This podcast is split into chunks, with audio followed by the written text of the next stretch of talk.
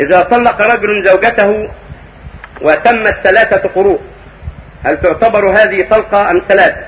وإذا كان في رأس كل شهر من ذلك يقول لها أنت طالق فما الحكم؟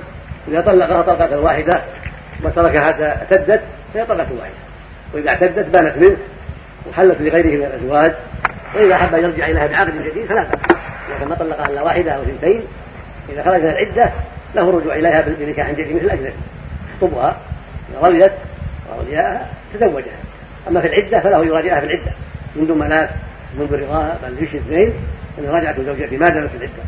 قبل أن تمر عليها الحيضات الثلاث إن كانت تحيض أو قبل شهور ثلاثة إن كانت لا تحيض أو قبل وضع الحمل إن كانت حاملة. أن يراجعها.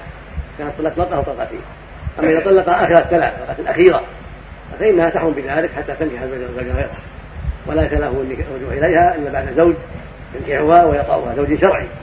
يزوجها ويطأها لا نكاح تحليل ولكن نكاح رغبة. يتزوجها زوج شرعي راغب فيها ثم وطئها ثم طلقها بعد ذلك أو مات عنها جاز للذي طلقها آخر ثلاث أن يتزوجها بعد ذلك.